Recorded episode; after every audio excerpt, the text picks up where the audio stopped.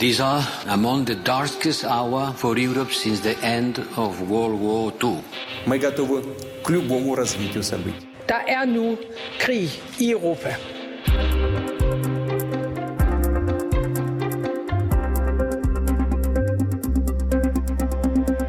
Det var nok de færreste af os, og faktisk også de færreste eksperter, der forudså den situation, vi står midt i nu med Ruslands full-scale invasion af Ukraine. Men øh, en mand havde faktisk set det her komme allerede tilbage i 2014. Du lytter til Krig i Europa, hvor vi i dag skal tale med den mand. En dansk diplomat, der forsøgte at advare det sikkerhedspolitiske etablissement i København og Norden for otte år siden. Vi spørger ham, hvad udsigterne er til en fredelig løsning. Mit navn det er Cecilie Lange. Jeg hedder Alexander Vils Lorentzen, og det her program det hedder Krig i Europa.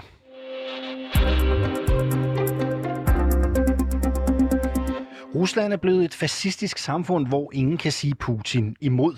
Og han har ikke tænkt sig at stoppe sin fremfærd efter annekteringen af Krim, for hans plan er at genrejse et stort Rusland med vold og magt. Så lyder det groft sagt i et notat skrevet af en dansk diplomat med indgående kendskab til Rusland. Og så tænker du måske, Cecilie, jamen det virker jo åbenlyst at skrive sådan noget mm. nu. Det interessante er bare, at det her notat det blev skrevet for otte år siden, nærmere bestemt den 7. marts 2014, altså mens annekteringen af Krim stadig var i gang. Men bag notatet taler vi med her til morgen. Det er dig, Søren Liborius. Godmorgen. Godmorgen. Godmorgen. Du øh, er øh, mangeårig Ruslands ekspert, du er tidligere EU-presse- og informationschef i Rusland, og du arbejder nu for EU's fælles udenrigstjeneste, og så er du altså med på en forbindelse fra Bruxelles. Du øh, skrev altså notatet Ukraine Rusland, Danmark fra Krim til Østersøen i marts 2014. Øh, det var ikke dit job at skrive det, og ingen havde bedt dig om det. Øh, kan du sådan relativt kort beskrive, hvad du så i Rusland dengang, som gjorde, at du følte dig forpligtet til at skrive notatet og sende det til dine kontakter i det sikkerhedspolitiske miljø i Danmark? Ja, altså jeg synes, jeg så en udvikling, som var begyndt et par år senere, øh, lidt i det små. I 2008 kan man huske, at øh, Putin og Medvedev, der var præsident dengang, øh, indledte en kort krig mod Georgien. Men der er sket en udvikling i det russiske samfund, og øh, det stod så i fuldt flor, synes jeg, med annekteringen af Krim, hvor man indsatte øh, russiske øh, tropper. Der var jo ikke så mange kamphandlinger, men Øh, det, der stod klart for mig, det var, at nu var, øh, så at sige, spillereglerne ændret fra russisk side. Og øh, jeg synes, at der var behov for at rejse en diskussion om, hvad det betød for den sikkerhedsorden, som øh, vi gik og troede, vi befandt os i, når en meget vigtig øh, spiller som Rusland øh, simpelthen øh, afviste de spilleregler. Prøv lige at beskrive det lidt mere, den sikkerhedsorden, vi stod over for. Hvad, hvad, hvad mener du med det? Altså, jo, øh, efter den anden verdenskrig og op igennem den kolde krig, og øh, folk vil selvfølgelig også huske afslutningen af den kolde krig, der så resulterede i, at vi fik nogle institutioner øh, i Europa. Vi fik Helsinki-aftalerne, vi fik øh, OSCE til at arbejde for øh, fred og stabilitet, vi fik nedrustning i Europa, især øh, på vestlig side, på NATO's side, og øh, vi fik en række aftaler, der er nogen, der kan huske øh, Paris, øh, Øh, aftalerne, Budapest-memorandummet, som øh, regulerede Ukraine og en række andre landes øh, sikkerhed. Det var et aftalesystem, hvor vi sådan set gav hinanden håndslag på, at vi ville ikke bruge militær magt til at true med eller invadere andre lande. Groft sagt, så sagde vi, okay, vi prøver en orden, hvor vi ikke bruger krig. Og det jeg så nu, det var så, at nu havde man brugt krig i en lille målestok i 2008, og nu brugte man det øh, i ret voldsomt, øh, var parat til det. Øh, der stod jo stadigvæk øh, der i starten af 2014 øh, foran os øh, krigen i Donbass. Men jeg synes, at det der, det der især bekymrede mig, det var den øh, dels voldsparathed, som Putins regime viste, og navnligt, at de bremsemekanismer, som der jo findes i mange samfund, på en, en leder, der ønsker at gå i en vis retning, de var ved at gå fuldstændig øh, smuldre væk. Du har ikke lyst til at offentliggøre notatet, så det er ikke trygt nogen steder. Vi har læst det på redaktionen, og må jo bare konstatere, at du rammer ret meget midten af skiven, når det handler om, hvordan Rusland har udviklet sig, og hvor øh, voldsparat Putin har været. Øh, som jeg også nævnte, da jeg præsenterede dig, var det jo ikke dit job at øh, skrive noget om Putins Rusland. Øh, hvorfor valgte du at gøre det alligevel? Det er rigtigt, at på det tidspunkt, der var jeg EU's øh, øh presse- og informationschef øh, i Rusland. Jeg var øh, ikke dansk diplomat udsendt, og derfor øh, så var det jo heller ikke sådan, så det var en, en indberetning, der skulle gå hjem til, til, til det danske udenrigsministerium eller så. Øh, men øh, når man jo har beskæftiget sig med Rusland og Sovjetunionen øh, siden midten af 80'erne, øh, og færdes i de miljøer, hvor vi diskuterer udviklingen, så synes jeg, at med den indsigt, som jeg synes, øh, jeg besad, der kunne jeg ikke bare sidde og putte med det, øh, fordi der var tale om, at vi var ved at se en, synes jeg, meget fartruende udvikling. Jeg kunne selvfølgelig ikke vide øh, tilbage i 2014, at, at det skulle komme til at, at gå ret nøjagtigt sådan der. Det er jo selvfølgelig trist, men øh, det var, det var meget magtpålæggende at, at i hvert fald bidrage til en diskussion. Øhm, du skrev allerede i 2014, at det russiske samfund havde fået nogle fascistiske dynamikker. Kan du sådan øh, relativt kort, for jeg ved, du har meget på hjertet på det her punkt, opsummere, hvor du så dem henne? Ja, altså, øh, jeg synes, at det russiske samfund øh, var på mange måder ved at have præcis de samme karaktertræk, som man så ved klassiske øh, fascistoide samfund. Der er jo sådan en, en, en sådan rundt 10 stykker sådan karaktertræk, som, som øh, karakteriserer den slags øh, samfund. Og øh, helt på kort form, så er det jo sådan, at man har fået et samfund, hvor man dyrker den stærke leder, som har en ekstrem magtkoncentration. Og at den administration, der er omkring lederen, øh, ikke længere baserer sig på, på lovgivning, men lederen kan stort set gøre, øh, hvad han vil. Så er den paranoid, øh, statsdannelsen. Øh, den, øh, den ser konspirationsteorier, øh, og der hersker en form for dem mod os mentalitet, og alt bliver set igennem sådan et, et øh, prisme af, af, af, af fobier. Den er meget intolerant over for opposition. Øh, man så også en nedslidning af enhver form for politisk opposition. Det er også et, et, et typisk øh, faretegn. Øh, så har retsvæsenet også øh, i sådan nogle samfund en tendens til at degenerere øh, ind til at være en totalt politiseret øh, institution. Øh, det økonomiske øh, funktionsmåden, den, den bliver ofte præget af en, en ret korrupt øh, organisering i sådan nogle øh, klient-patronforhold, hvor øh, det er alene den, øh, den ultimative leder og, og klikken omkring ham, der bestemmer, hvordan de økonomiske øh, forløb, hvad for nogle virksomheder, der skal have tilladelse til, til at virke, øh, de er. Så man, man glider også væk fra at have en, en regelbaseret øh, økonomi.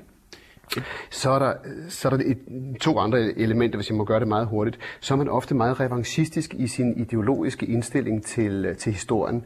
Altså, øh, og i Putins tilfælde var der jo tale om, at, at det her forhold, at man anser, at man tabte den kolde krig, Øh, det kan man simpelthen ikke leve med. Og Putin og hans øh, øh, omgangskreds har jo skrevet op og ned af stolper, og, og gjorde det også dengang, at det var jo uretfærdigt. Øh, jeg kan huske hans tale i 2007 i München-konferencen, hvor han anfægtede, at, at, at Rusland var jo altså blevet, ligesom Hitlers øh, fremstilling af Versailles, der, det var, det var et, et, et komplot imod det.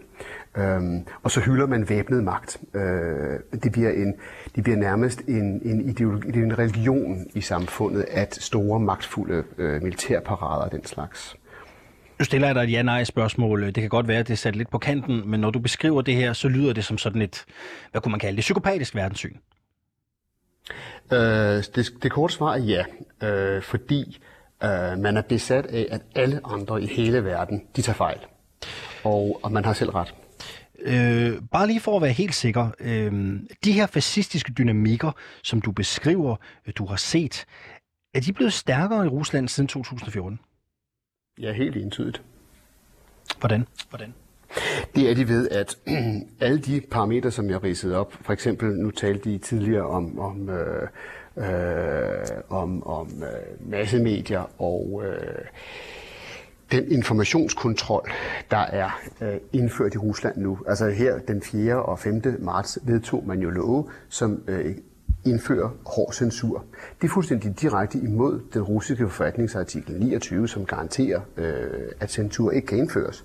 Og det er et eksempel på, at de der bremsemekanismer, som et samfund ellers måtte have på de værste excesser fra lederen, de er fuldstændig slået bort.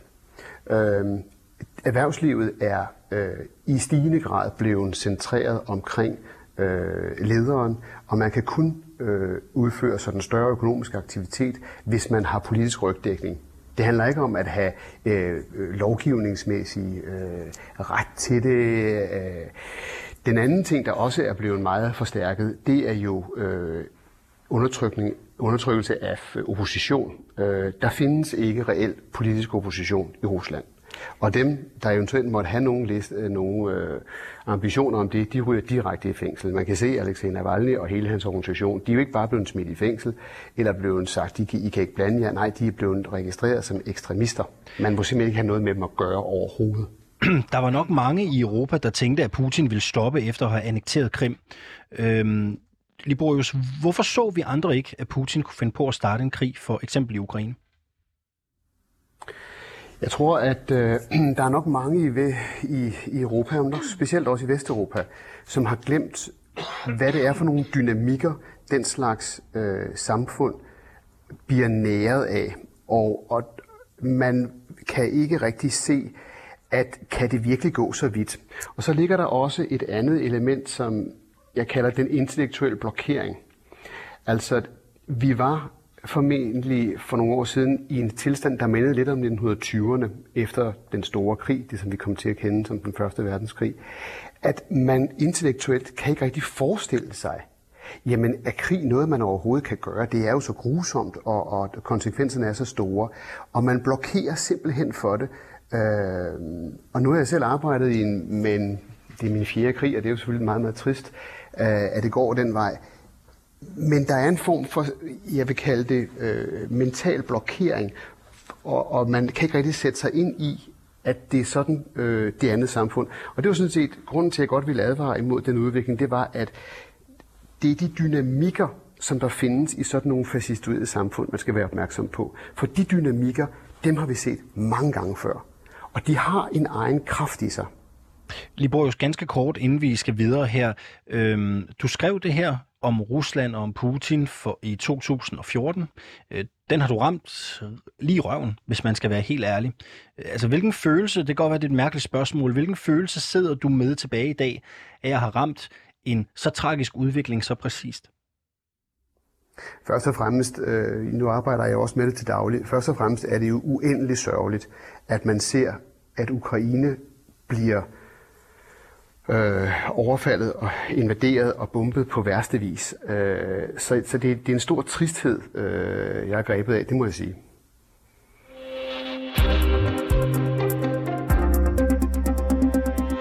Søren øh, Liborius, vi er jo så heldige at have dig med øh, hele udsendelsen igennem. Du er mange år i Ruslands ekspert og tidligere EU's presse- og informationschef i Rusland, og i dag er du ansat i EU's fælles udenrigstjeneste. Nu har vi jo talt om øh, fortiden, vi har talt om din øh, analyse efter øh, hvad skal man sige, dine øh, forudsigelser tilbage i 2014. Forudsigelser, som jo har vist sig at være skræmmende præcise i forhold til den situation, vi står i nu, og den ageren, vi har set fra Putins side af. Og derfor så bliver vi simpelthen også nødt til at spørge dig ind til, hvordan du analyserer den aktuelle situation, og hvor du ser, at det hele øh, peger hen af lige nu. Så hvis du skulle skrive, øh, Liborius, øh, et nyt notat i dag, hvad vil du så skrive? Ja, altså det russiske samfund er jo, og det, og det er det prisme, jeg vil holde, holde fokus på, uh, det er jo præget nu af en voldsom ensretning. Og uh, det er kastet ud, øh, takket være Putin og hans kompaners gerninger, i en meget alvorlig krise. Og de har fået øh, helt berettiget meget kraftige sanktioner rettet imod sig fra den frie verden. Og øh, jeg vil nok hæfte mig ved øh, tre forhold. Uh, det ene det er, at i sådan nogle samfund, der øh, er der jo en tendens til, at lederen bliver, bliver mere indet. Øhm, Putin anser sig selv ikke formentlig for at have tabt en krig. Han er helt bekræftet i sit verdensbillede, at verden, Vesten, er ude på at knække ham, og derfor skal han slå hårdt tilbage. Øh, så jeg, jeg, vil, jeg vil ikke tro, at, at vi lige med det første ser, mm. at, at, at, der kommer et signal fra Putin, gud, det var da en fejl, og, og vi må hellere komme til forhandling. Det andet forhold er, at man har ikke nogen bremse på brug af militære midler. Øh, det jeg sagde, jeg var trist øh, til måde her i, i den her situation, det er jo, at man skal ikke tro, at fordi der er nogle billeder, øh, som er helt forfærdelige øh, til dagligt, der viser øh, frygtelige, frygtelige øh, krigsforbrydelser, øh, begået af russiske styrker, der bomber ditten og datten, at det så fører til, når det, det rejser det russiske folk sig imod. De bliver jo fuldstændig berøvet nærmest enhver indsigt i det. Det er en hård, hård, hård censur. Man kan ikke, op, op, op, man kan ikke fatte, hvad det er for et mediebillede, den almindelige russer øh, får stiftet bekendtskab med. Det tredje forhold, det er selvfølgelig, at øh, det er et samfund, som øh, mødes af meget robust modstand fra Ukraine. Og derfor har øh, man på det helt lange perspektiv ødelagt enhver mulighed for at have et fredeligt forhold til sin nabo, øh, i hvert fald fra Putin-systemets side. Mm. Så det er en meget dyb krise. Ukrainske og russiske forhandlere øh, genoptager i dag øh, tirsdag fredsforhandlingerne, efter at man ikke nåede frem til noget under den øh, fjerde runde af forhandlinger, og det var i går. Samtidig så fortsætter de russiske bombardementer af flere ukrainske byer, hvor flere beboelsesbygninger i Kiev blandt andet er blevet ramt her til morgen. Øhm, tror du på, at man kan blive enige om en våbenhvile? Det korte svar er, at den russiske øh, omkring Putin og, og hans kompaner vilje til at smadre Ukraine, den er slet ikke slut. Hvis man kan blive enige om en våbenhvile, så er det nogle små lokale øh, pauser for enten at omgruppere øh, sine styrker. Der er ikke en følelse af, nu skal vi også have det her stoppet. Hvad er det, man ikke har forstået ved Putin og hans kompaner, som du kalder det, hvis man tror på en, en våbenhvile eller en fredelig øh, øh, forhandling? Det er, at Putin har gennem mange år øh, givet klart udtryk for, at han foragter og hader det vestlige liberale demokrati. Han er i krig med os.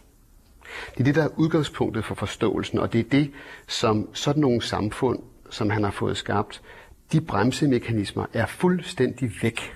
Og derfor er det naivt at tro, at det vil være et samfund, man kan tale på samme måde med. Det er ikke fordi, man ikke skal forhandle, det er ikke det, jeg siger, og det er ikke fordi, man ikke skal holde kontakt med dem. Det bliver man nødt til. Men udgangspunktet for ens forståelse skal være, at vi står over for en person, som vil nedbryde vores samfund med alle de tilgængelige midler, han har. Og så handler det om at begrænse de midler, han kan kaste ind i den kamp. Og det er også derfor, at sanktionerne er så utrolig vigtige. Og om øh, føje dage eller uger osv., det vi ser nu fra Ukraine, altså om 14 dage, hvis der ikke bliver øh, nogen, nogen sådan større ændring af det, det vil være tæt på ubærlige billeder. Mm. Og, øhm... Fordi han er, slet, han er slet ikke færdig.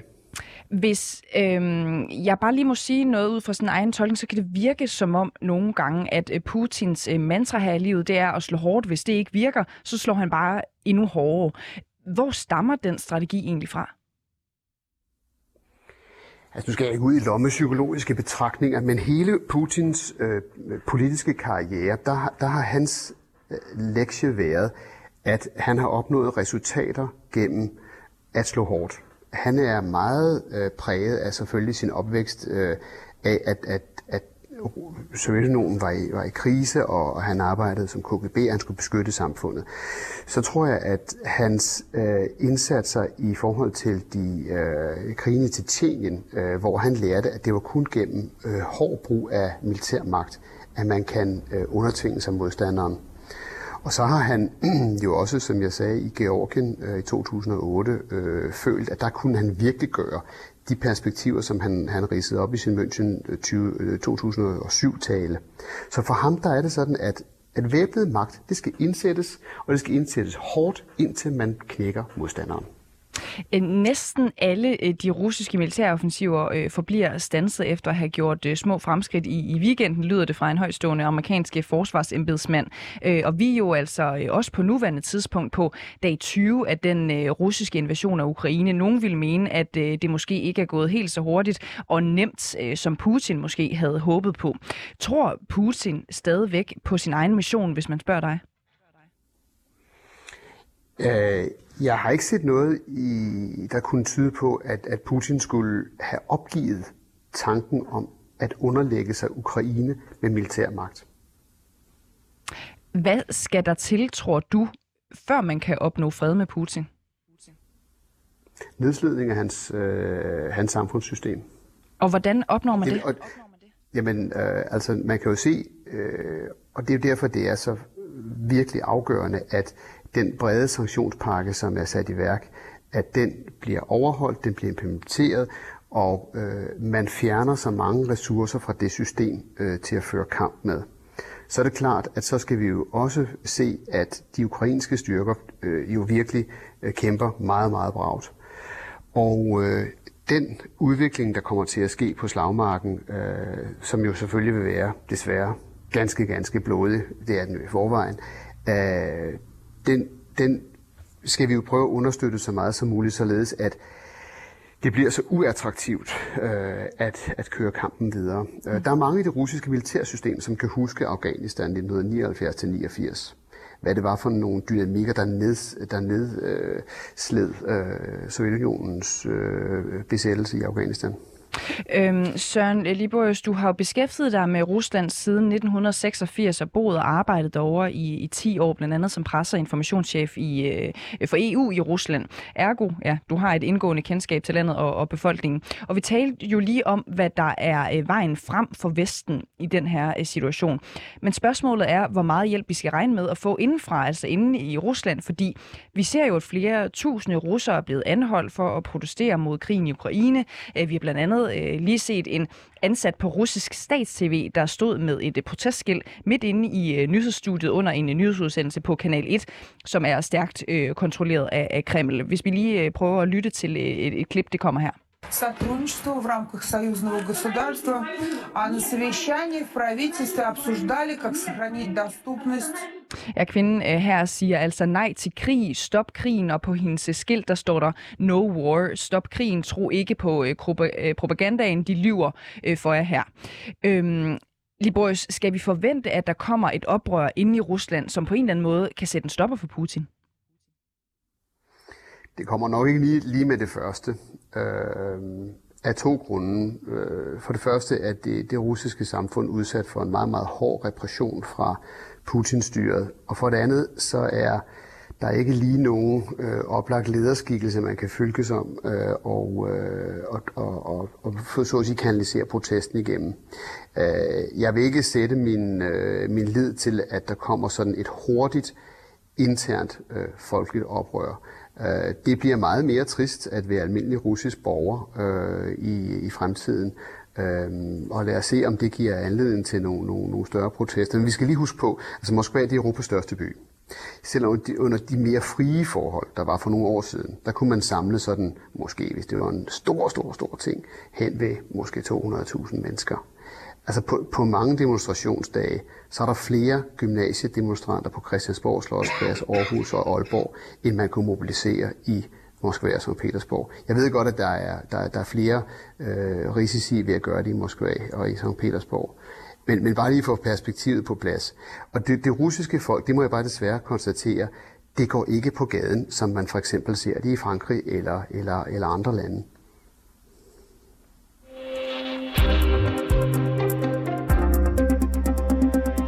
Krigen i Ukraine, den udkæmpes ikke kun i Ukraine. Krigen er også en informationskrig, der udkæmpes på internettet og i medierne. Og særligt det sidste, altså medierne, skal vi se nærmere på nu.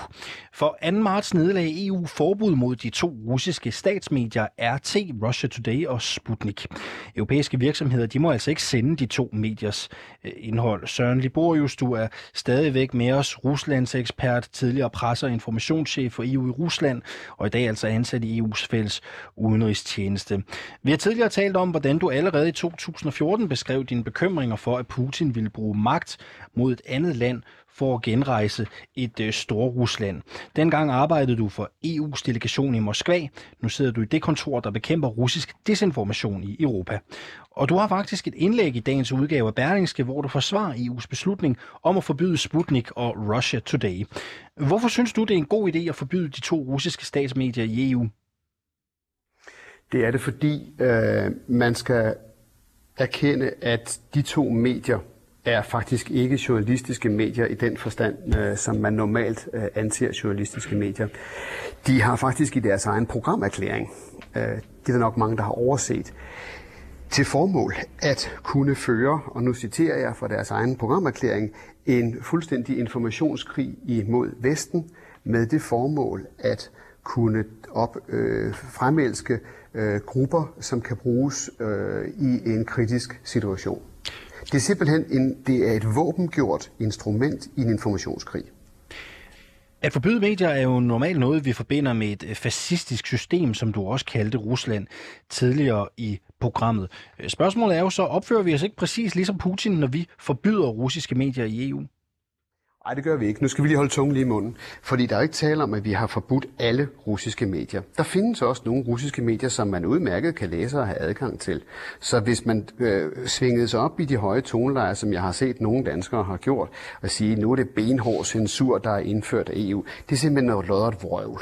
Fordi man kan sagtens øh, søge ind på russisk øh, Gud hjælp mig stats-tv hjemmesider, og så se, hvad der foregår der. Man kan også læse tonsvis af russiske øh, wire services og andre aviser. Der taler om specifikt to instanser, som er rettet primært imod øh, internationale målgrupper, vestlige øh, audiences og russere i, øh, her i Europa også, RT og Sputnik.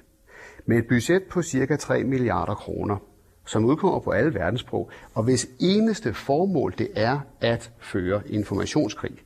Det, der kommer ud af de kanaler, nu har jeg levet og, og, i Rusland og arbejdet med dem, fuldt dem lige fra deres start, det er at sammenligne med, og det gør jeg i dagens Berlingske, at det er flyvebladene nedkastet fra de tyske bombefly 9. april. Hvis man kan huske der Sturmer, eller, eller Signal, eller, eller Folkescher Beobachter, øh, det er den slags Øh, jeg vil ikke engang kalde dem, øh, det er jo ikke, det er ikke et journalistisk produkt, og derfor de danske kritikere, de tager totalt fejl, når de tror, at det her, det handler om at beskytte ytringsfrihed. Det er ikke ytringsfrihed, det er et våbengjort informationsinstrument. Det er nedkastet flyveblade fra tyske bombefly. Det er der ingen, der vil sige, det er et spændende indlæg, det er ytringsfrihed, det skal vi da interessere os for så har man fuldstændig misforstået sagerne. Til altinget, der siger direktør i den juridiske tænketank Justitia, han hedder Jakob Unchangama, sådan her om EU's forbud mod Russia Today og Sputnik. Hvis demokratier ikke har tillid til, at deres borgere kan håndtere og blive udsat for autoritære staters misinformation og propaganda, så hviler vores demokratier på et meget skrøbeligt øh, fundament. Hvis den propaganda, du beskriver fra Russia Today og øh, øh, det andet øh, russiske medie Sputnik her, er så tyk og minder om øh, sådan noget øh, nazipropaganda, øh, er det så ikke noget, vi kan se os ud over? Er det så stadigvæk øh, farligt eller bekymrende i hvert fald? Det er farligt, fordi det over tid har en korrosiv effekt på ens verdensopfattelse. Jeg kender godt de synspunkter, der siger, at vores demokratier er så stærke, så vi skal nok kunne se bort fra propaganda. Det kan godt være, at det er et synspunkt, der er gangbart i Danmark, øh, hvor der hersker en, en, en fantastisk øh, mediepluralisme, og, og befolkningen er generelt øh, udmærket veluddannet og orienteret. Men jeg må bare minde om, at der er mange samfund, i vores umiddelbare nærhed, hvor den slags slet, slet ikke er sagen, og hvor den slags propaganda har meget stor effekt. Liborius, øh, undskyld, jeg afbryder dig, men, men du er selv lidt inde på det. Du siger, at det er farligt. Øh, hvem er det farligt for, og hvor er det farligt, det her russiske propaganda? Det er farligt over for de befolkningsgrupper, som, som ser meget store mængder af det der. Og det ændrer deres vir- vir- virkelighedsopfattelse. Og det er farligt, fordi man så er fuldstændig øh, besat af den der tanke, som også øh, er, er i Kremls øh, verdens, øh, verdensbillede. Øhm, og derfor bliver man, øh, man, man bliver meget, meget stærkt påvirket af det, uden man egentlig sådan tror, jamen der, jeg, der, jeg er der bredt orienteret osv., Altså meget store samfundsgrupper i vores umiddelbare nærhed, og Rusland i en partikel selvfølgelig, er jo præget af, at det der propaganda øh, farver folks verdensbillede. Her til sidst, øh, Liborius, vi har ganske kort tid. Hvilken effekt har EU's forbud mod Russia Today og Sputnik i forhold til at hæmme den russiske desinformation om krigen? Helt kort så betyder det, at de, redaktioner, som de har haft rundt omkring i de europæiske lande, øh, altså der er begrænsninger på dem, og at øh, de ikke kan udkomme på, på sådan lokale streaming og, og tv-pakker osv. Øh, nu har vi jo ikke indført, at, øh, at der er uh, en lille politimand, der sidder på hver internetudbyder, men vi prøver selvfølgelig at, uh, at, at få, få folk til at, uh, at uh, se bort fra det der. Men jeg vil lige understrege igen, der er ikke indført censur. Man kan sagtens fra sin egen computer logge sig på russisk statstv og på russiske aviser og orientere sig fuldstændig om, hvad der foregår. Der er ikke tale om, at vi fjerner en mulighed for at forstå, hvad der sker i Rusland. Søren Liborius, du er mange år i Ruslands ekspert, tidligere presse- og informationschef i Rusland for EU, og i dag altså ansat i EU's fælles udenrigstjeneste. Tak fordi du var med her til morgen, og i den grad jo gjorde os klogere.